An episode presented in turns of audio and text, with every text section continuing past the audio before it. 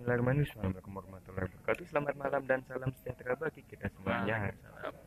Salam sejahtera. Kembali lagi bersama saya pribadi budak korporat di Audio Slave. Malam ini saya bersama salah satu rekan saya yang sudah lama tidak berjumpa. Dia seorang pasifis bisa dikatakan karena dia bukan aktivis dan dia telah jomblo lama sekali dan melalang buana di mana-mana hingga ke Jember. Masih fit. Silahkan bisa diperkenalkan diri Mas, bisa pakai bahasa Jawa karena ke depannya kita akan menggunakan dua bahasa, bahasa Indonesia dan bahasa Jawa. Bilingual, bilingual. Bilingual. Ya, Ya, saya Fajar. Aku lah, aku aku Fajar pakai bahasa Jawa nggak apa-apa. Ya, aku Fajar. Pasifis, ya saya setuju dengan pasifis dan untuk jomblo ya itu dibahas kapan-kapan aja. Ya, lebih nanti lebih serius dan lebih intim.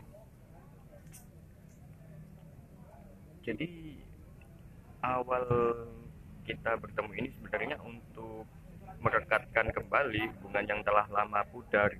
Benar karena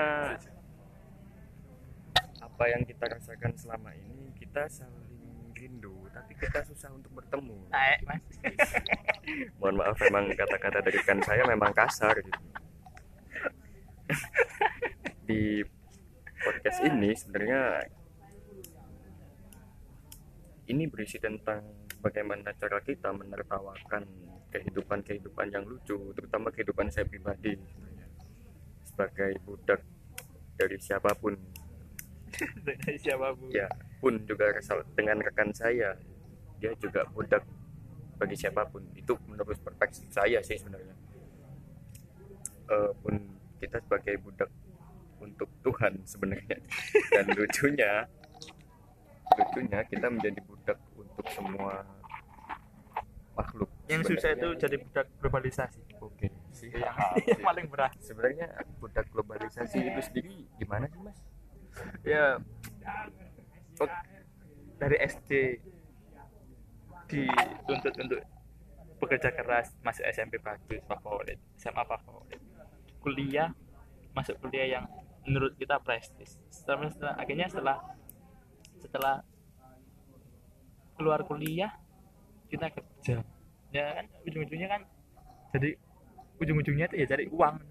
Ujung-ujungnya cari uang. Oke, jadi sebenarnya kita yang mencari uang untuk hidup atau hidup untuk mencari uang? Ya dua-duanya kayak Dua-duanya. Tapi lucunya begini mas, eh, kita tahu kalau memang misalkan segalanya butuh uang gitu, bahkan eh, kita langsung berpikir gitu, kalau segalanya butuh uang, apakah agama butuh uang?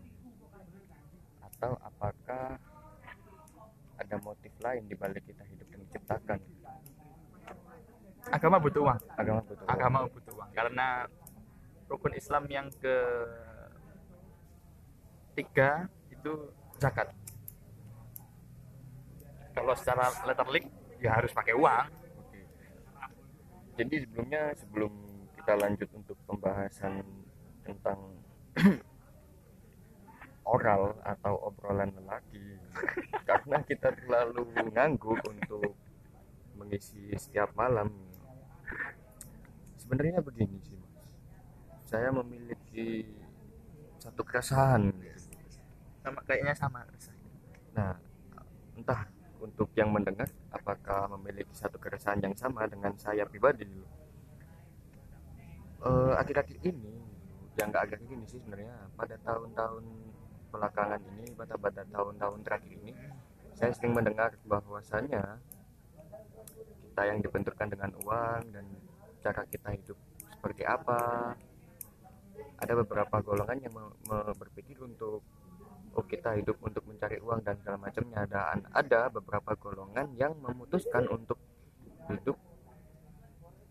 Bisa dikatakan dia mencari jalan Tuhannya. Atau yang menjadi keresahan saya pada dewasa ini adalah fenomena mereka mereka yang mem- membawa nama Tuhan membawa nama agama untuk kepentingan kepentingan yang mereka yakini itu benar gitu. itu sih kesan saya saya nggak tahu untuk ke depannya ini benar atau tidak kalau menurut mas saya langsung bertanya mungkin ini memang frontal tapi saya berpikir lagi gitu. dan memang harus seperti itu iya gitu ya jadi, jadi Gak bisa apa ya sih sebenarnya sebenarnya makna karena dewasa ini ada hijrah ya Hijrah. hijrah. jadi gimana sih mas? Hijrah itu kalau menurut mas pribadi? Hijrah. Ya hijrah. Hijrah. Karena ini memang pembicaraan yang sangat, sangat hangat ya menurut saya. Dan saya patut menertawakan diri saya sendiri karena saya belum hijrah. Gitu. sama sama saya juga dan kayaknya nggak ada kepikiran untuk buat ke sana oke oke oke oke. Kenapa mas? Kenapa mas? Kenapa? Ya, eh, eh, saya- pa- eh, pada dasarnya pakai bahasa Jawa gak masalah sih Pad- mas ya pada dasarnya semua itu kembali ke masing-masing pribadi. Oke oke Benar. oke. Pertanyaan terus? tadi bahwa kembali ke masing-masing pribadi. Ya, seperti contoh ada orang yang sangat suka sama kopi. Ya. Semua jenis kopi disikat. Arabica robusta skape disikat. Oke oke. Siap siap. Terus? Ada juga yang teh. Oke. Dari teh hijau teh hitam teh ya disikat ada teh susu. Ada teh tehnya sampai minum susunya saya pegang. Aduh terlalu ngawur ya mohon maaf. Bisa ya, ya, ya, ya, jadi kan sebenarnya lebih ke ya itu itu pendapatnya pun juga ini juga pendapat. Ya. jadi kami men- kami menerima kritik kan. Kami juga menerima kritik. Kalau nanti di akhir di akhir pembicaraan ada yang mungkin nggak cocok kita menerima kritik atau yang mungkin cocok kita juga menerima saran. Mas perlu ditambah ini kita kita menerima. Jadi kembali ke hij- hijrah tadi hijrah tadi kan sebenarnya kalau setahu saya adalah proses pindah. Sebenarnya gampangnya itu pindah pindah dari satu hal dari yang buruk ke yang baik. Nah, dan itu diinisiasi oleh Rasulullah. Oke oke. Junjungan kita semua junjungan orang Islam. Oh, kita ya? Kita. Mas aja mungkin saya enggak jadi oke oke terus jadi eh, Rasulullah hijrah dari Mekah ke Madinah itu dalam hal ini pindahnya itu tidak hanya fisik tidak hanya badan dan tidak hanya pengikutnya saat itu.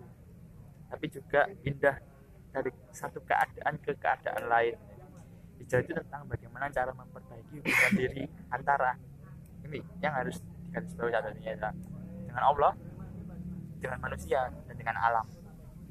Ya ya seperti itulah. Terus eh, kalau ngomong surat biasanya biasanya ya ini, ini bisa bisa. Tapi emang kita harus perlu mencantumkan dalil sih mas Oh, iya. karena kita hidup di negara yang salah satu negara terbesar ini jumlah penduduk Islamnya. Iya, gitu. kan. jadi ya harus pakai dalil. Karena kalau tidak ada dalil datanya kurang valid. Ya iya ya kalau- harus pakai data ya. oke siap. Rezim ini pakai data. Iya. Dan satunya tuh pakai arat ayat 11 disebutkan bahwa Allah tidak merubah nasib suatu kaum sebelum mereka mengubah nasib mereka sendiri. Jadi kan itu semacam kita tuh harus hijrah kita harus pindah dari sesuatu yang buruk ke sesuatu yang baik. Oke oke. Yang kedua di Anissa 100 eh, itu garis besarnya bahwa rezeki apabila kita hijrah ke jalan Allah adalah adalah eh, upaya untuk mendapatkan pahala di sisinya itu Terus yang ketiga adalah anal Nah, ini yang cukup ini yang cukup ini saya setuju dengan ini dan apabila kita hijrah ke jalan Allah setelah dianiaya setelah dianiaya maka kita akan diberi, beri tempat yang bagus baik di dunia dan di surga. Oke. Itu eh, lebih dalil ya dalilnya itu, itu. sebenarnya saya berpikir seperti ini sih mas. Kita mendapatkan fenomena-fenomena hijrah ini gitu pada akhir-akhir ini. Kalau saya nggak salah itu medio 2016 oh oke. itu booming. Booming tahun 2016 2016 itu medio saya kalau saya pribadi mohon maaf sebelumnya saya pernah dapat pengalaman gak enak masalah hijrah gitu. Karena itu? lucunya lucunya begini saya mencoba menertawakan diri saya sendiri Iya, karena salah satu ya pernah berhubungan dan ternyata memutuskan untuk berhijrah gitu. Oh, iya. oh kita mungkin sudah tidak beralasan gitu dan oh dia siap. tidak bisa menjadi satu hal yang baik. Gitu. siap. Bisa dibayangkan gak terlalu, terlalu banyak mudaratnya Iya, terlalu banyak menurutnya. kayak semacam menurut saya logis gitu ketika kita memutuskan sebuah hubungan atas dasar agama. Sayang sayang kita udah pacaran tapi pacaran ternyata banyak mudorotnya baik ternyata itu mendekati zina. Iya. Nah. mendekati zina. Nah celakanya seperti itu. Itu mendekati zina. Lah, tapi mas ada yang lucu dari fenomena hijrah ini Eh. gitu. yang saya anggap lucu di mana ada beberapa orang gitu loh yang memelintirkan salah satu indikator hijrah ya. Katakan mereka nggak pacaran tapi mereka taruh gitu. yo mantap. Ya kan? Ya, taruh mantap, gitu. taruh satu dua tiga bulan sekat nah mending kalau satu dua tiga bulan sikat gitu loh tapi kenyataannya terjadi beberapa bulan gitu loh ya kayaknya apa beda ya apa yang membedakan taruh dengan pacaran pada umumnya Ya, gitu. ini, ini, ini tanya ini tanya kita kita kita lebih ke mempertanyakan apa bedanya ta'aruf sama pacaran karena kalau ta'aruf lama kan sounds like uh, itu pacaran ya, ya, benar, ya kan? benar, benar. Ya, mungkin ada yang mendengar dan oh beda mas kalau ta'aruf itu gini kalau pacaran gini oh ya silakan kita kita menerima kritik dan saran Ya.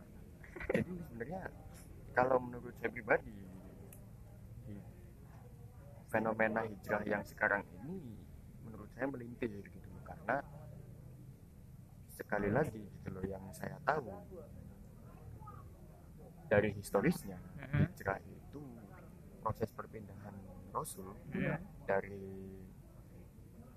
Mekah ke Madinah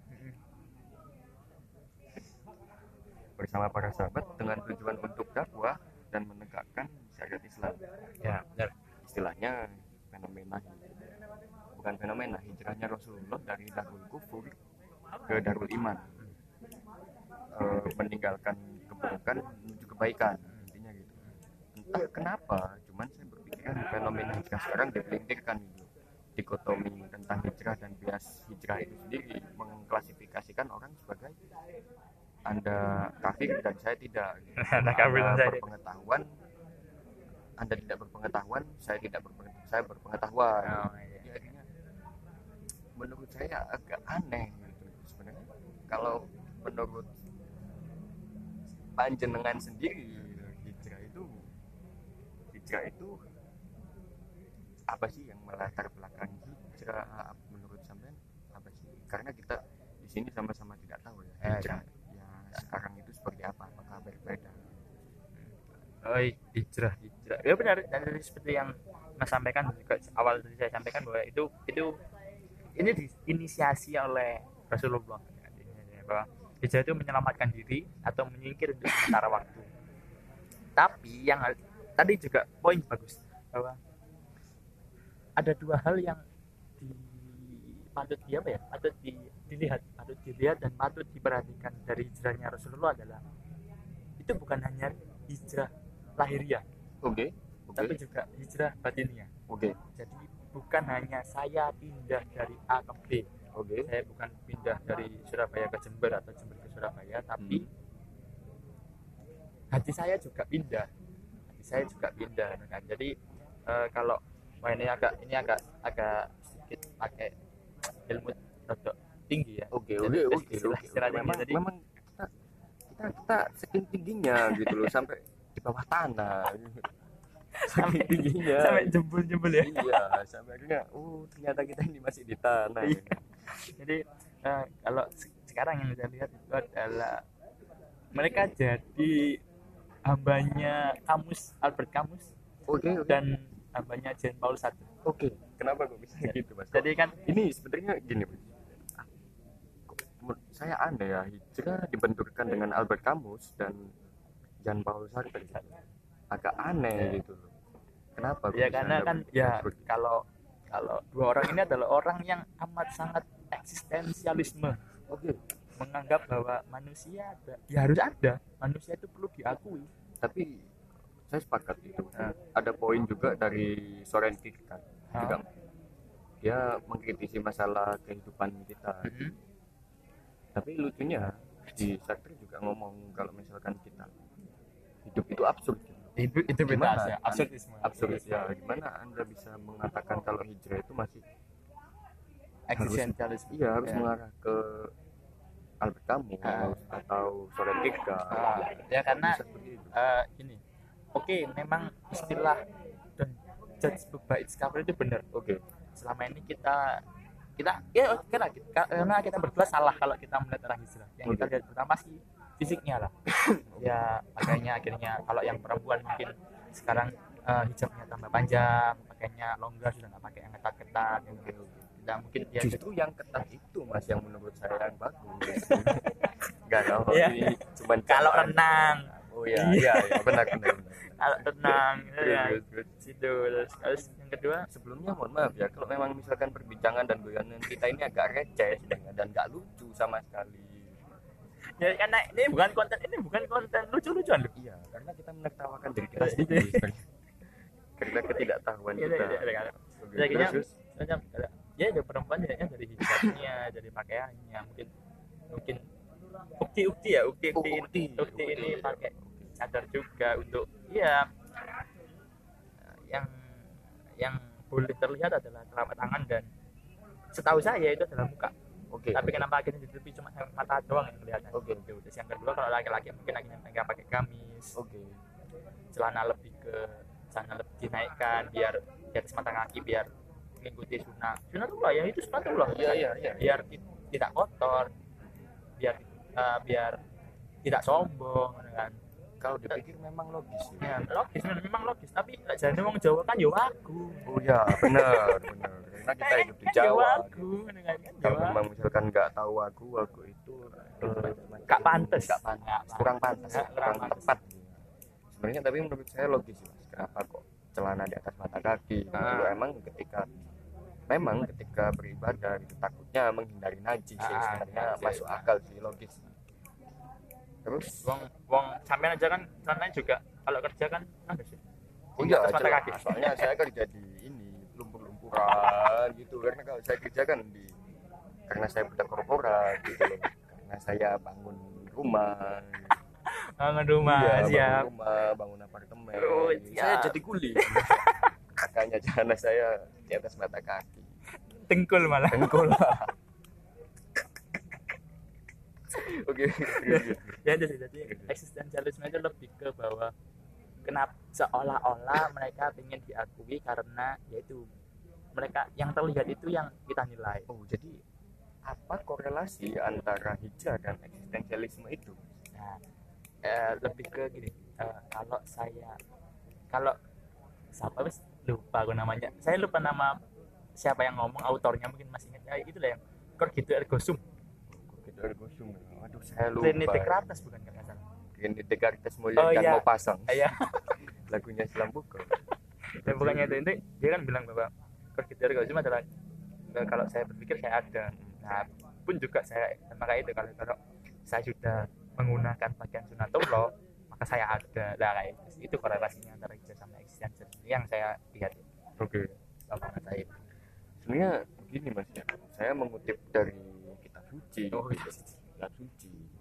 Ini punyanya siapa? Kita punya siapa? di Al-Quran oh, Al-Quran. junjungan karena di Al-Baqarah ayat 218 gitu. Sesungguhnya orang-orang yang beriman orang-orang yang berhijrah dan berhijrah di jalan Allah mereka itu mengharapkan rahmat Allah Hmm. dan Allah maha pengampun lagi maha penyayang. Siap benar.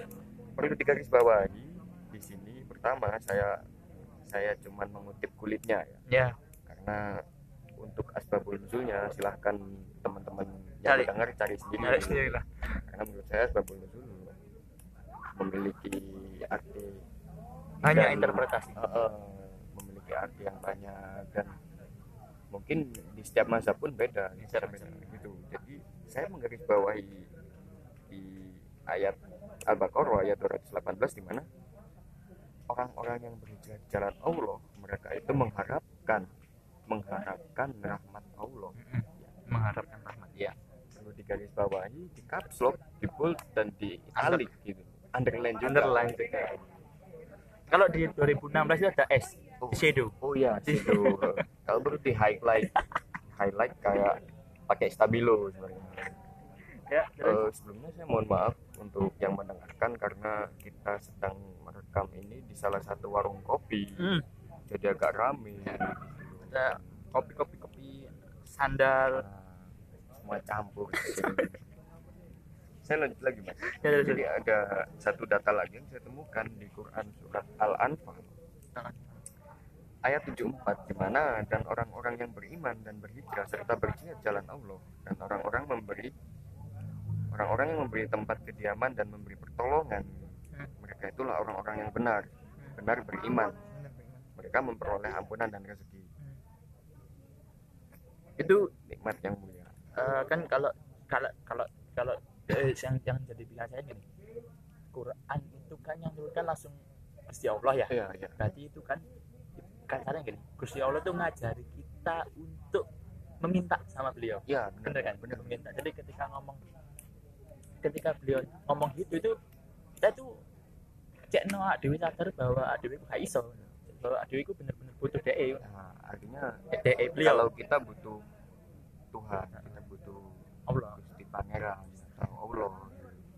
Jadi ini bahasa yang campur aduk ya. Kalau di Jakarta Selatan pakai mix Indonesia Inggris kita pakai Indonesia Jawa gitu. itu lebih visioner menurut saya. Tapi gini mas saya pernah membaca di Quran surat At-Taubah di Hmm. 29 surat nomor 9 ayat 20 Hmm. yang di mana orang-orang yang beriman dan berhijrah setelah berjihad di jalan Allah dengan harta benda dan diri mereka. Ya. Mereka adalah lebih tinggi derajatnya di sisi Allah. Itulah orang-orang yang mendapat kemenangan. Hmm. dan saya berpikir seperti ini mas. Orang-orang yang beriman dan berhijrah serta berjihad di jalan Allah. Ya bukan jalan yang mereka tentukan sendiri itu loh kebenarannya gitu. Saya suka itu Iya, bukan iya. jalan yang mereka tentukan sendiri ya. Nah, ya, ada terdapat paradigma-paradigma tentang hijrah itu sendiri gitu, yang sekarang lagi marak di sekitar kita. Sekitar kita, terutama di sekitar saya juga. Saya merasa adanya fenomena hijrah ini jadi bias, di mana kita mendiskreditkan orang lain yang tidak berhijrah gitu terus? Yang tidak berhijrah dan semacam semacam aneh saja gitu menurut saya. Ini keresahan saya pribadi ya mas ya. Karena saya dikatakan kafir lah saya dikatakan. Pernah satu waktu saya masuk ke salah satu forum yang tidak usah saya sebutkan. Namanya? Eh, jangan ya. Indonesia tanpa sesuatu. Mohon maaf sebelumnya dan di situ ajakan-ajakan ajakan-ajakan mereka untuk mengajarkan hijrah gitu mencapai pada satu titik di mana orang hijrah harus menikah muda. Wah mantap Gitu ya. itu. Mantap itu. Eh, terus terus rasanya di mana? Kan menikah muda itu enak. saya mempermasalahkan saya meresahkannya di sini mas. Bukan mempermasalahkan ya. saya meresahkan di mana nikah muda gitu loh. Kalau bagi saya sendiri karena gimana saya mau nikah muda sedangkan pasangan aja nggak dapat gitu loh. Dan menurut saya kurang gitu. Analoginya seperti ini mereka memberikan analogi seperti ini. Ketika anda menikah muda satu pertama saya hidup sendiri dan punya gelas dan piring satu Hmm. setelah menikah sampai dapat piring dua, gelas dua gitu. Pertanyaannya dari mana kita dapat itu gitu. Lucu, lucunya di sini kok ya ujung-ujungnya tahu-tahu kita dapat gelas dua, piring tambahan lah Iya kan? mas jangan lupa mas jangan lupa Ya. bahwa kalau seorang umat Islam menikah rezekinya itu dibuka sama Iya, Gusti Allah. iya, iya, iya, iya, iya. jangan lupakan itu. Ya jangan lupakan itu. Jangan lupakan itu. Nah itu berarti ya anggap aja itu rezeki dari Gusti Allah Iya, wes.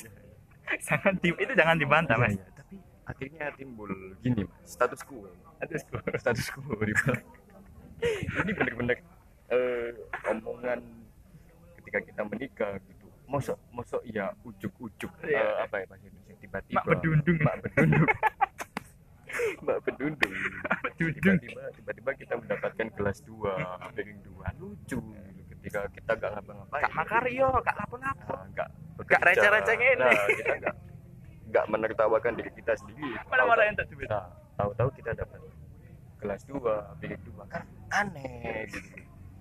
Kalau saya pribadi berpikir kurang gitu loh. kurangnya kurang maksudnya yang didapat gelasnya itu kurang atau ada yang kurang tepat? Eh, gelasnya kurang saya. Kenapa harus dapat dua gitu harusnya lima gitu loh. iya iya Tiga, karena saya budak korporat gitu loh. Oh, Saya iyalah, mengabdi kepada kapitalis Iya, bener. gitu loh. Jadi saya harus kalau misalkan saya dapat bisa dapat lima kenapa harus dapat dua gitu. yang ini kan belum pernah ngerasakan interview di oh awal iya TOEFL iya, TVA iya.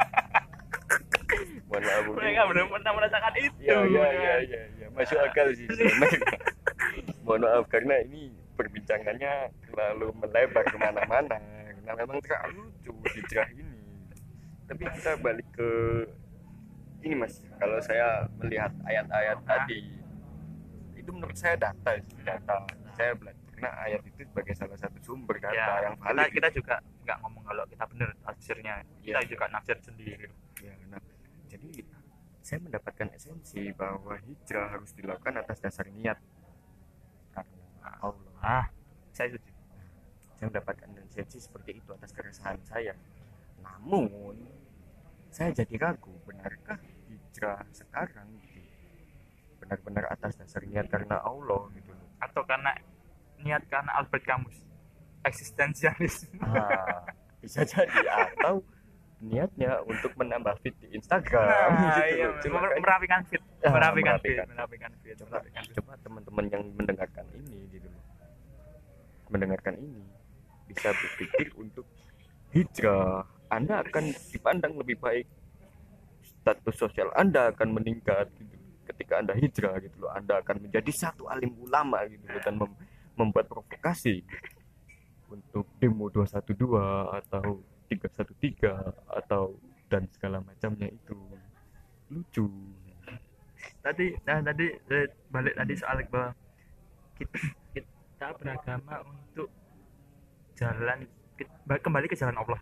Ya, Hmm. dari ajarannya terus bukan ke jalan yang kita tentukan sendiri. Oke, oke, untuk- oke. itu itu kalimatnya bagus ya. Oke, oke, oke. karena nah hasil dari hijrah itu bukan menjadi pendakwah oke. Terus terus? Hasil dari itu karena dakwah itu artinya ah, dakwahnya sendiri itu mengajak bukan memaksa. Oke benar. Ya kan? Benar. Jadi kayak tadi kayak tapi mas lucunya seperti ini gitu kalau memang misalkan dakwah itu mengajak aja bukan memaksa nah ada beberapa oknum Oknum. ada beberapa oknum yang memaksa kita untuk berhijrah gitu. Ah, memaksa kita untuk berhijrah dalam hal ini mereka dengan lembut memaksa kita untuk datang dengan kajian Ah. dengan dengan infak sebesar 150 ribu anda akan mendapatkan fasilitas hijab eh, panjang anda akan mendapat potongan kajian selanjutnya nah potongan aja selanjutnya. Jadi akhirnya saya curiganya gitu loh. Apalah daya saya sebagai anak kos gitu loh budak korporat gitu loh untuk membayar 150 ribu. Dan saya pulang hanya mendapatkan eh, mendapatkan semacam keanehan dan tambahan keresahan gitu loh. 150 saya bisa buat makan. Nah, aneh menurut saya aneh. Dan kurang materialistis Ah. kalau dalam ilmu akuntansi itu kurang material Oh ya, Kurang eh, materi. for your information aja sih sebenarnya. Mas Fajar ini latar belakangnya akuntansi ya, nggak ada latar belakang Islam sama sekali, kosong. ya. Kita Daldul. sama-sama kosong, gitu kan. Daldul kalau bahasa Surabaya ini daldul. Gitu.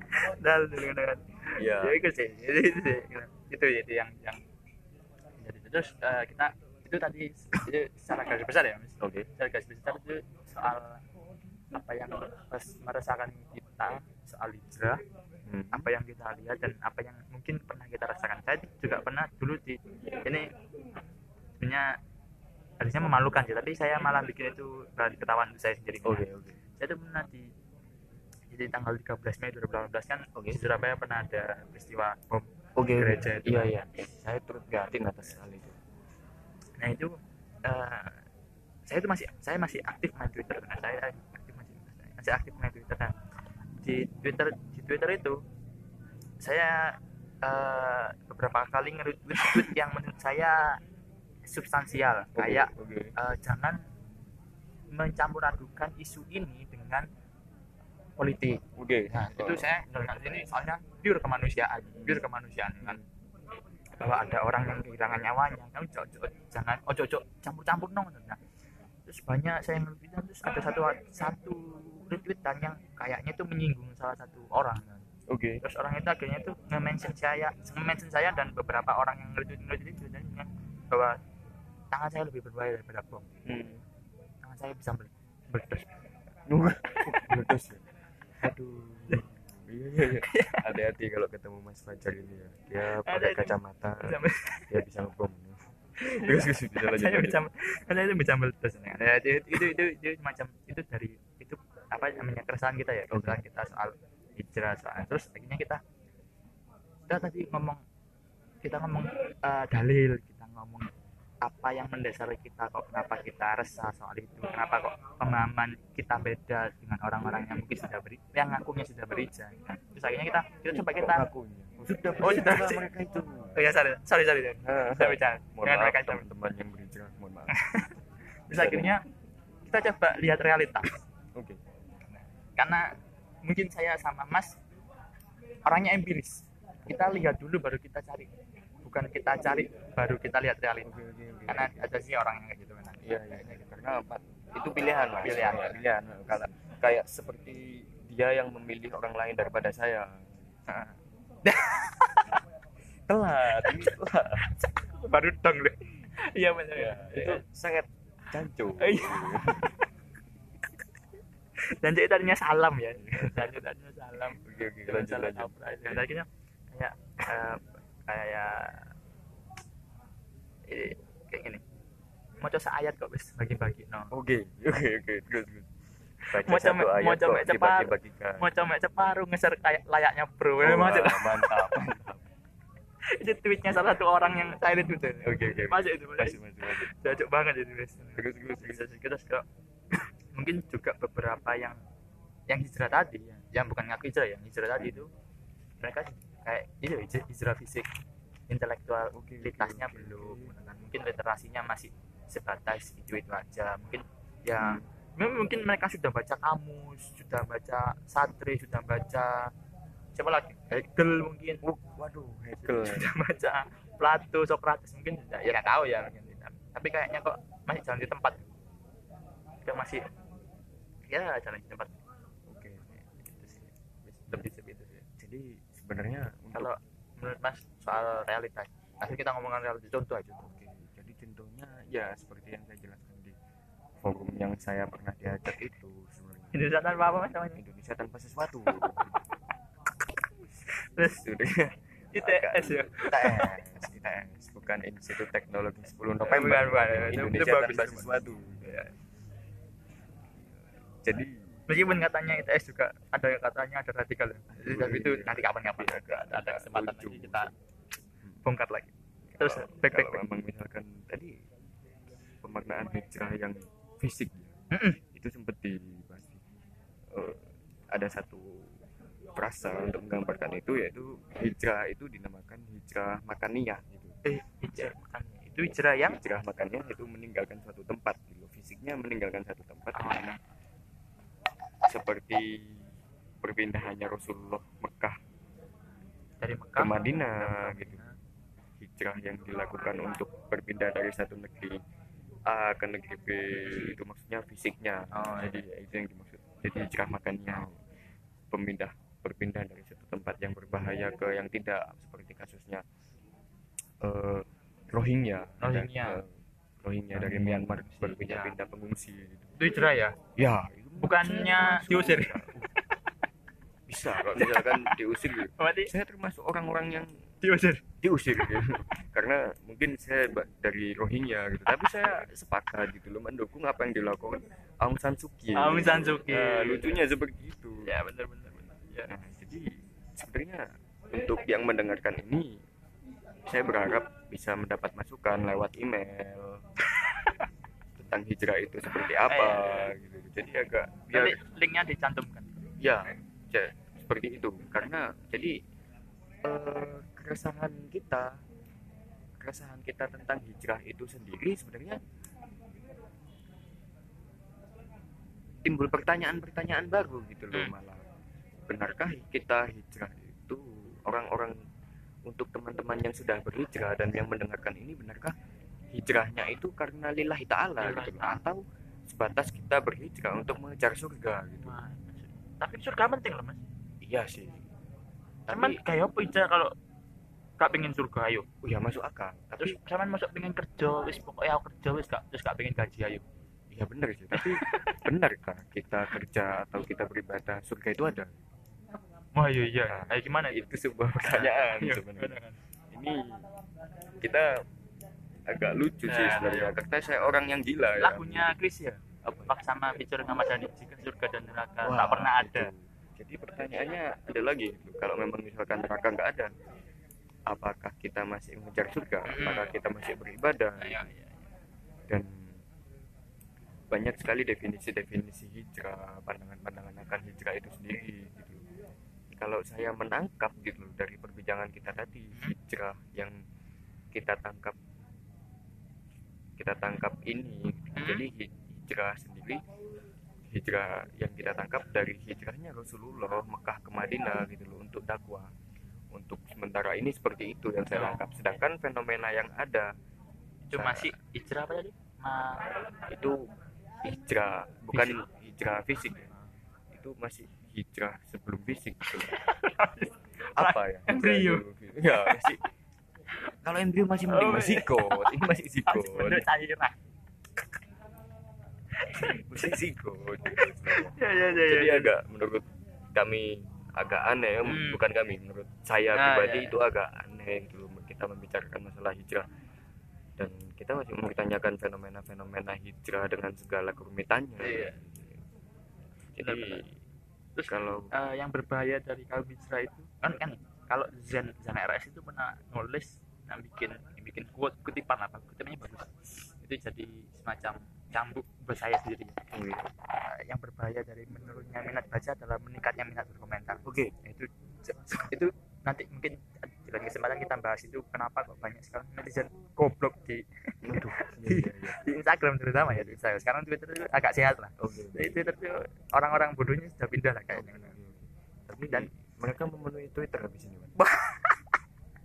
mungkin Jadi- mungkin juga mereka menu- memenuhi podcast ya, seperti kita. jadi untuk eh, yang mungkin orang-orang yang anak-anak milenial milenial bikin startup baru yang mana itu jauh dari orang bodoh masuk Masuk akal. Jadi Jadi syaratnya bikin itu adalah IPK-nya harus 3,25 ya, mantap. masuk enggak Masuk, Masuk, masuk, ya? masuk sebenarnya masuk. Masuk, Tapi ya. sebenarnya gini, kalau saya pribadi gitu mencapai taraf bodoh pun belum gitu loh. Jadi agak kurang. almarhum mulus di matahari Ya. ya kayak katanya almarhum Nah, itu yang saya suka dari almarhum Cak Rusti ya. misalnya ada juga dari uh, kutipannya Zen itu akhirnya Mbak Kalis uh, salah satu Gus Durian uh, penggiat Gus Durian nah itu bilang bahwa yang berbahaya dari kaum hijrah anyaran adalah meningkatnya percaya diri buat ceramah berbekal dalil sampai berbekal dalil yang disampaikan hanya satu ayat lewat broadcast WA video pengajian provokatif dan perasaan bahwa mereka dibela Tuhan Oh, oke. Tapi emang ustadz-ustadz yang memiliki gelar LCLC yang sebenarnya mereka memiliki Kapabilitas. kapabilitas gitu. Sedangkan yang saya terima di kenyataannya gitu, realitanya teman-teman yang hijrah ini mengklasifikasikan orang yang belum berhijrah sebagai orang yang Gol- bukan golongan kami bukan golongan kami. saya benar saya, saya, saya, pernah ingat kak mas bukannya pernah keluar dari jembatan ya Oh ya, sebenarnya tapi itu bisa dibahas di tempat lain lah. ya. Di momen iya. lain. Iya, gitu. iya, Karena iya. jadi semacam eh, gak sinkron Iya, antara ini nanti melebar Perbincangan ini terlalu kaku gitu. karena kita sendiri yang tertawa gitu. Entah semoga teman-teman yang mendengarkan bisa tertawa. Iya, iya, gitu. iya. Semoga bisa menghibur dengan ketololan kita gitu. Iya. Karena pada dasarnya kita tolol. Kita bodoh gitu. Pinter saja. Kita sampai ke taraf tolol pun belum. Salah rupanya. Kita belum tolol, maaf. Kita di bawahnya tolol. Saya pernah tes ini bahwa IQ saya itu IQ jongkok sebenarnya. Jadi saya nggak pantas ngomong. Delosor. Del oh, delosor, delosor itu tiara. Nah, jadi IQ saya tiara. Ya, Jadi mungkin untuk pem- pembahasan hijrah apa sih mas kesimpulan yang bisa kita dapat sebenarnya Eh, untuk malam ini? sebenarnya masih ada beberapa yang mau dibahas ya jadi, jadi dibikin cepat aja kan eh, sebenarnya Emang nggak usah cepet-cepet oh ya jadi penya- penyakit yang bikin perut gendut itu apa namanya? Obesitas. Obesitas. Nah, kalau kebanyakan itu berarti info obesitas. Obesitas. Oke masuk akal. Analogi yang sangat-sangat riskan. Sangat-sangat riskan. Info obesitas nah, jadi Iya, iya. tadi soal yang Indonesia tanpa sesuatu tadi kan pernah. Karena itu itu nanti kita bahas di mungkin di selanjutnya dalam masih dalam sedikit yang sama. Jadi eh, nikah muda itu menghalalkan seks loh ya. Aduh ya ya itu hanya menghalalkan seks. Jadi apa yang sampean mau maksudkan? Nikah merupakan ritual atau prosesi penghalal dosa? Kalau tidak kalau dilakukan di luar nikah Oh, iya. itu dosa. Tapi kan kalau sudah kalau sudah nikah ya jadi halal. Oh, iya. bah nanti istrinya dikepui itu bukan urusan kami. meskipun mereka dipukuli Eh, bukan urusan urusan kami. Mereka meskipun mereka dipaksa bekerja di luar namanya lalu pulang. KDRT kan kekerasan dalam rumah tangga bukan Iya. rumah kita. Ya, bukan urusan saya. Nanti urusan saya. Terus kalau Iya, iya. cuma ada di kos kosan ada orang ngumpul kebu baru itu urusan kita? Nah, itu iya. akhlak itu moral. Ah, kita menghakimi. Kita harus mengalami itu nggak baik. Iya iya benar benar. Itu rumah kita. Ah. kalau KDRT rumah tetangga. Ya karena kita nggak berani mengusik kebun tetangga yang Eh, sudah hijau ya. ya ya. Tapi saya pernah beberapa kali sih. Mengusik rumah Iya, tetangga. iya iya iya iya iya Ya, iya. terus ini soal yang sedikit ini kita bikin sama soal eh, gempa. Nggak usah cepet-cepet nggak masalah gempa Palu gempa Lombok. Waduh ini apa kaitan apa korelasinya Nah, gitu? korelasinya kan apakah ada benang merah antara hijrah dan gempa Palu? Harusnya ada pasti ada malah. Pasti ada. Pasti ada. Mungkin kita diazab atau seperti apa? Kayaknya itu karena rezim yang zolim aduh. Jadi gini gini yang zolim. jadi ini jadi kayaknya BMKG itu salah nulis. BMKG itu pernah nge-tweet ini secara geografis Indonesia dikelilingi cincin api dunia. Oke. Kesiapsiagaan dan mitigasi bencana harus disiapkan. Dan kayaknya ini salah. Iya yang benar secara geografis Indonesia itu zona azab. Astagfirullah. Saya azab saya melihat ini sebagai gini mas. Sebenarnya ini lebih ke kenapa Palu kemarin diguncang gempa gitu? Karena ada simbol Illuminati konspirasi oh, iya konspirasi dan dan ini jadi pertanyaan kenapa teman-teman yang hijrah tidak mengingatkan kepada pemerintah gitu sudah sudah. Sudah diingatkan Kan. Sudah. rezimnya zolim rezimnya sudah Zolim. karena wakil wali kotanya Pasha Ungu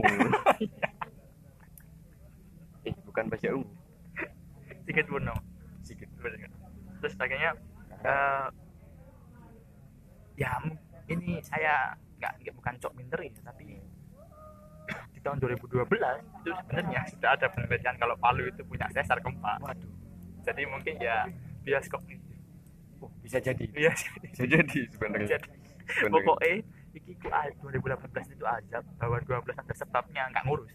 Oh ya aku nggak ngurus kon putus iya iya iya. Aku nggak ngurus kon yo apa pokoknya saya kita diambil aku lah. Ya benar Benar, benar ya? ya benar jadi bahwa 2012 ada penelitian bahwa Palu itu punya sesar gempa itu nggak ngurus. Pokoknya saya 2018 Palu gempa karena azab. Terus ternyata penyebab gempa itu ada empat oke yang pertama itu peristiwa vulkanik ya ya. Yang kedua itu tektonik oke. Yang ketiga itu proses lain. Oke. Dan yang keempat ini yang paling yang paling kayaknya paling keras. Apa itu? Apa itu? Apa itu? Yang pertama adalah komunis. PKI ini benar si A dan rezim yang zolim. Ada satu lagi yang kurang mas Illuminati karena pemuja setan. Menjadi terima saja iya dua sepuluh ribu itu ada dua sepuluh ribu. Coba dicari ya. Di Iya. YouTube sudah banyak buat teman-teman yang penasaran masalah hijrah ini sampai menyangkut Illuminati konspirasi itu itu cuma keresahan kita sebenarnya. Kesimpulan dari perbincangan ini ya nggak ada karena ini nggak bermanfaat. Sia-sia eh tak tambahin tak tak tak tambah tambahin. Mungkin ini lebih kita rencananya mau 45 menit tapi ini sudah 44 30 tapi agak agak lebih sedikit lah. Jadi eh, gini. Mungkin para teman-teman yang sudah hijrah ini ya mbok ya literasinya ditambah.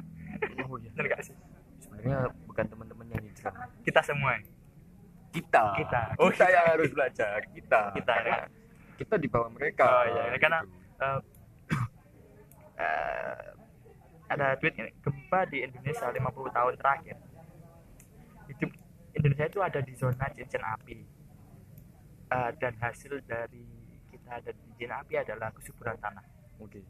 Kenapa Belanda menjajah kita? Kan saatnya karena kita kaya akan rempah-rempah. Oke. Ya kan? Benar. Oke tapi hidup hidup itu bukan gambling. Oke. Masa kon arep ngenteni ono gempa ono apa sih gunung meletus baru seneng nanem-nanem kan Iya, ya iya, enggak kan bener, enggak. bener. sebelum se- sebelum ada sesuatu setidaknya kita bikin apa ya rencana Antisipasi. Antisipasi Iya. lah kan kan. bikin rumah yang apa namanya bikin rumah yang tahan gempa mungkin kayak di Jepang Jepang kan sudah iya iya sudah in- inovasinya bagus gitu kan terus eh, tata ruang terus sistem pendidikan yang harus beradaptasi dengan jadi ojo menuju nang puno puno terus Oh. ini juga ini tambahan tambahan sedikit di Surabaya bagi orang yang mendengarkan di Surabaya itu ada dua sesar gempa di Surabaya. Itu kalau nanti seumpama ternyata Surabaya gempa ya berarti itu asal. Salahkan. Rezim jangan salahkan kita.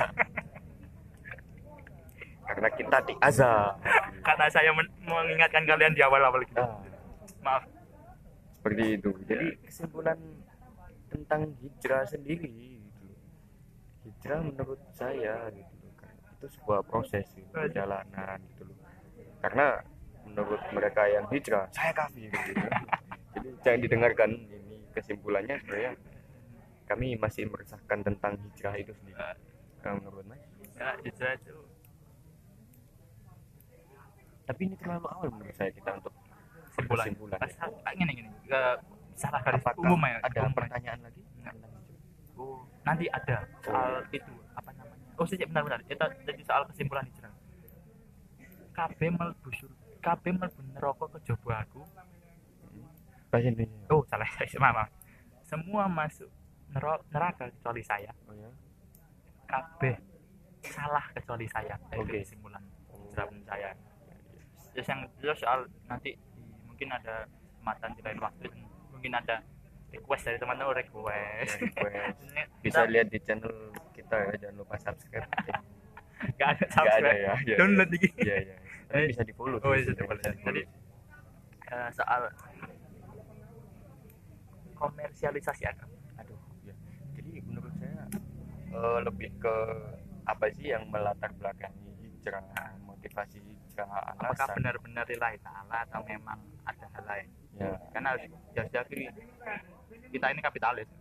Ya benar, benar. Mungkin bisa jadi seperti itu. Ya ya itu aja. Ya mungkin oh idenya mas? Karena kita harus kembali lagi ke IG. Jar Surya. D J A R S U R Y A. Oke. Jadi mungkin itu Instagramnya bisa di follow untuk yang mendengarkan. untuk di Nah, untuk dicela tuh langsung, untuk dihina gitu silahkan. Gitu. Jadi mungkin menurut saya pribadi hijrah itu merupakan proses gitu. Karena dari sini menurut saya timbul lagi pertanyaan tentang hijrah itu sendiri motivasinya apa, alasannya apa, kepada siapa kita berhijrah. Intinya seperti itu. Sekian dulu dari kami, Budak Korporat dan Mas Jak Surya. Itu saja, mohon maaf. Apabila ada salah kata yang menyinggung pastinya. terima kasih atas dan saudara. Terima kasih atas telah sudah atas telah. Terima kasih telah mendengarkan. Terima kasih lah bang bang kota Nah, gitu. terima kasih telah buang-buang kuotanya mendengarkan kesan-kesan kami. Sekian dari kami Budak Korporat dan Jar Surya dari Audio Slave podcast gak jelas yang berisi tentang cerita-cerita untuk menertawakan kehidupan kita pribadi dan lucunya di hidup ini. Tone penutup bentang itu tetap oh iya mohon maaf. Sekian assalamualaikum warahmatullahi wabarakatuh. Salam sejahtera bagi kita semuanya. Namo buddhaya